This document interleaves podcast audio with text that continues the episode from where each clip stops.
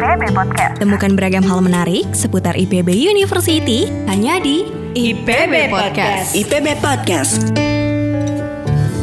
Assalamualaikum warahmatullahi wabarakatuh. Halo Sobat IPB, kita bertemu lagi di IPB Podcast dan hari ini kita akan berbincang tentang kelekatan antara ibu dan anak atau biasa kita kenal dengan istilah attachment. Dan telah hadir bersama saya Dr. Meli Latifah, salah satu dosen tetap di Divisi Perkembangan Anak Departemen Ilmu Keluarga dan Konsumen Fakultas Ekologi Manusia IPB. Halo Ibu, apa kabar? Baik. Tapi menarik nih Bu, karena kan sekarang nih eh, apa namanya kaum ibu begitu ya, kaum perempuan begitu kan juga mempunyai eh, self aktualisasi sendiri gitu ya, ingin bekerja, mengamalkan. Kayak kita ya. Iya, iya, kita kerja ya Bu ya.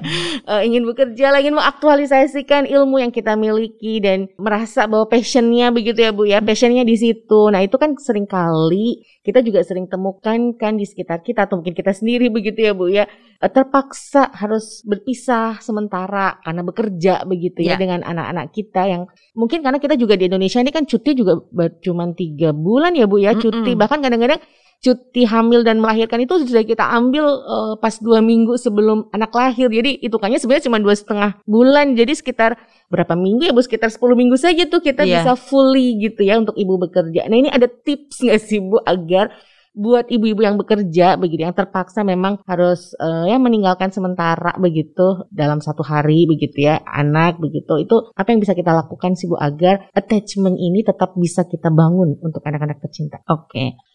Gini, jadi eh, kata kunci dari pembangunan attachment yang berhasil itu adalah kondisi yang stabil Mm-mm. yang diberikan oleh orang tua pada anak. Itu sebenarnya kata kuncinya. stabil Stabil ya. Kalau misalnya harus meninggalkan putra-putrinya pun yang masih bayi ini eh, diupayakan misalnya mencari pembantu yang tetap tidak ganti-ganti.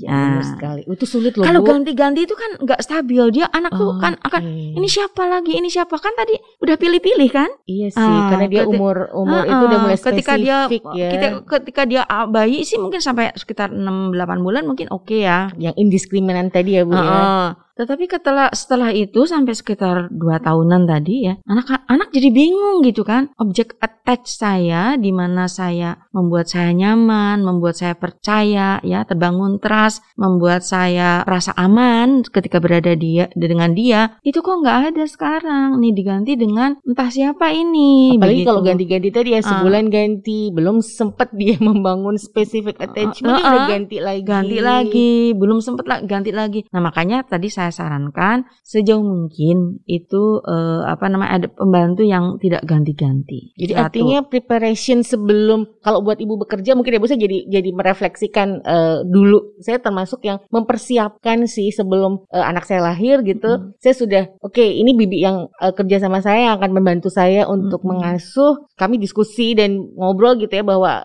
nanti akan membantu saya. Jadi memang sudah dipersiapkan dari sebelum kelahiran Nah, seharusnya sih itu Bu, ya. bagus itu kalau bisa. Makanya tidak heran kalau kemudian karena mungkin ada banyak kasus ya yang di mana eh, tidak mudah sebetulnya mencari eh, pembantu rumah tangga ya atau sitter begitu ya untuk anak yang eh, bisa kita percaya. Makanya biasanya kemudian ada ambil keputusan bahwa yang mengasuh adalah keluarga sendiri. Hmm, Nah, Ya. makanya bisa ne- eyangnya. nenek ya. Nah, gitu ya kan neneknya. Nah, gitu. Di mana si ibu dari anak ini trust kepada dia dan kemudian yang paling penting di sini adalah bahwa nenek ini ya eh, dan Bungi juga kakeknya juga itu harus benar-benar mengikuti ya apa yang boleh dibilang direncanakan atau diatur lah kira-kira ya oleh si putrinya ini. Jadi Gitu. komando tetap di ibu dan ayah ya Bu. betul. Jadi ayah Jangan dan sampai ibu ini diserahkan begitu aja gitu Ah, ya. ah, ya itu. Jadi beritahu ya apa yang boleh uh, do and done-nya gitu. Yang boleh, mana yang tidak boleh dan seterusnya. Nah, itu penting. Oh, jadi ini memang buat ibu bekerja nih tips penting ya Bu ya bahwa preparation sebelum kelahiran gitu ya mempersiapkan support system apa sih yang harus saya sediakan nih jadi Termasuk pas- ini Mbak Fia, termasuk kan tadi kebutuhannya kan tidak hanya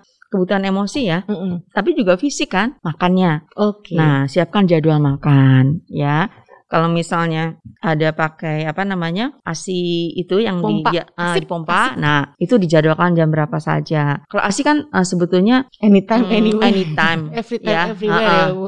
anytime dia minta kasih sebetulnya ya. Karena sebetulnya ASI itu pada prinsipnya adalah ketika anak merasa nggak nyaman, yang dicari itu ibunya. Caranya adalah menyusu. Hmm. Nah, ya kan? Jadi breastfeeding itu sebetulnya salah satu cara anak untuk cari kenyamanan. Coba lihat deh. Kalau anak nangis misalnya masih kecil nih ya, pasti udah dinenenin kan tenang ya. Iya benar Ah, sekali. gitu. Karena ternyata nggak cuman eh, masalah menyusui dan mentransfer air susu ibu dari ibu Tapi ke di situ anak ya. ada kenyamanan. ada kenyamanan, ada kontak mata juga ya bu ya. Termasuk. Jadi makanya saya sih pesen sama ibu-ibu muda ya di rumah bahwa menyusui itu jangan mekanistik ya. Jangan mekanistik. Jangan mekanistik. Anak nangis kasih terus diam gitu ya bu. Eh, ya, maksud saya gitu. Jadi, jadi kita jangan seperti robot. Jadi lakukan dengan sepenuh hati, dengan tulus sepenuh cinta, ya, dengan penghargaan kepada anak, ya, rasa penghormatan dan penghargaan eh, kepada anak, ya, penerimaan sedemikian rupa sehingga proses yang terjadi ada- adalah suatu interaksi yang indah, ya, Iya, suatu betul. interaksi yang eh, begitu mulia agung kalau menurut saya di mana bayangkan ibu menyusui ya eh, kemudian dia sambil menyusui anaknya eh, mulutnya masuk ke apa Puting namanya ibunya. puting ibunya. Eh, tetapi matanya menatap ibunya karena ibunya juga menatap dia. Bahkan ibunya ngajak bicara ya kan? Ibunya mengelus-ngelus mungkin kepalanya rambutnya kemudian kakinya juga mungkin dia eh, usap-usap begitu ya. Nah itu itulah yang eh, apa ya prosesi-prosesi itulah yang akan lama-lama membangun eh, yang disebut dengan attachment atau emosi eh, lekat tadi Jadi antara saya ibu dan anak Kepikiran bu, kan buat ibu-ibu muda dia suka kita perlu me time gitu. Ternyata breastfeeding itu bisa jadi me time ya bu. Harus dijadikan me time. iya Waktu yang spesifik buat kita, buat kita happy begitu ya. Jangan jadikan aduh harus nyusuin nih gitu ya. Tapi benar-benar harus wah ini sebuah momen yang Karena akan terulang begitu ya bu ya. Betul. Karena menyusui itu juga eh, jangan seperti ini kewajiban kita nyusuin. Karena me- kalau mekanistik seperti itu yang ada tuh kita seperti robot nggak ada emosi ya, sehingga produksi ASI juga mungkin nggak terlalu bagus. Nah, betul. Kayaknya kita kan kayaknya tertekan ya kok kita nyusuin. Mm-mm. Aduh ini kok kita jadi begini ya, jadi apa namanya tertekan, terpaksa ya bu ya. terpaksa kan lama lu menyusui itu Mbak Via. Betul ya kan? bu, sampai dua Eh, tahun. eh, iya, nah itu rasanya aduh ya Allah ini kok gini amat ya.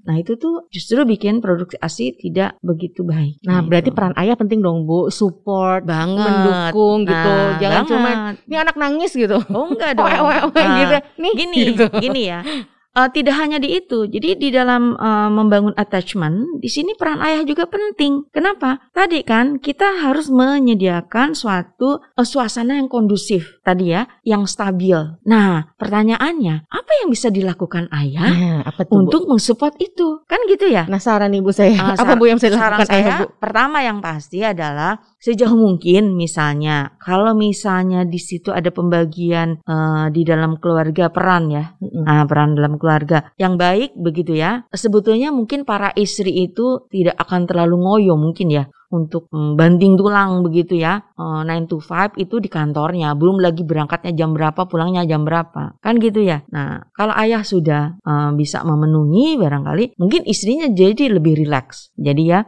jadi lebih santai. Bahkan mungkin mungkin ya bisa jadi untuk selama dua tahun pertama si anak ya dua tahun pertama kehidupan si bayi ini mungkin ibu memutuskan untuk oke dah untuk sementara misalnya saya work from home aja misalnya Mencari pekerjaan yang bisa dilakukan itu dari satu rumah ya. kalau bisa ya nah kebetulan sekarang ini kondisinya sangat memungkinkan sebetulnya ya Ah, Iya sih Bu, meskipun pandemi ya. meskipun juga hektik juga Ah, sih, Bu. iya betul Ta- eh, itu tapi paling tidak eh, sedikit eh, menolong ya karena setiap hari Ah, ada minimal karena paling ya. tidak ada figurnya itu ada ya. Secara fisik itu tampak ya dan juga bisa touching ya. Nah, itu penting. Nah, eh, kalau bisa lagi adalah misalnya eh, oke, saya untuk sementara dua tahun anak ini saya akan bekerja yang dari rumah aja. Apa saja misalnya. Nah, karena tadi si ayah udah ready, dia udah, Udah siap eh, gitu kan. Nah, itu satu ya. Jadi memfasilitasi kebutuhan ya. Membuat yang kedua, membuat si istri juga merasa nyaman. Nah, jadi hindari ya yang namanya percekcokan, konflik, Kalau konflik yang tidak penting misal. Ini kok saya nggak dimasakin istri saya. Nah, ini padahal anak istrinya kan sibuk dengan uh, si babynya ya. Dalam kondisi tertentu mungkin ada kalanya butuh pengertian dari si suami ya untuk mungkin uh, istrinya lelah atau apa ya. Saya kira memang uh, harus ada kerjasama. Sebetulnya kerjasama itu menjadi syarat penting sih ya Bu. Mm, sebetulnya laki-laki cooking juga nggak apa-apa sih ya Mbak Via ya. Iya sih bener Bu. Kadang-kadang kan nggak uh, masalah melihat sosok ayah, mm apalagi anak-anak melihat sosok ayah yang juga suka masak tuh juga sesuatu yang mungkin mereka juga wah ternyata ayahku juga bisa membantu. Ayahku memasak, keren, keren ah, gitu iya. ya. Bahkan uh, hasil penelitian ya menunjukkan bahwa laki-laki uh, atau ayah-ayah yang berani ambil pekerjaan-pekerjaan domestik yang secara culture kebanyakan itu dilakukan oleh Ibu. perempuan ya dia adalah laki-laki yang self confidence-nya tinggi, estimnya tinggi.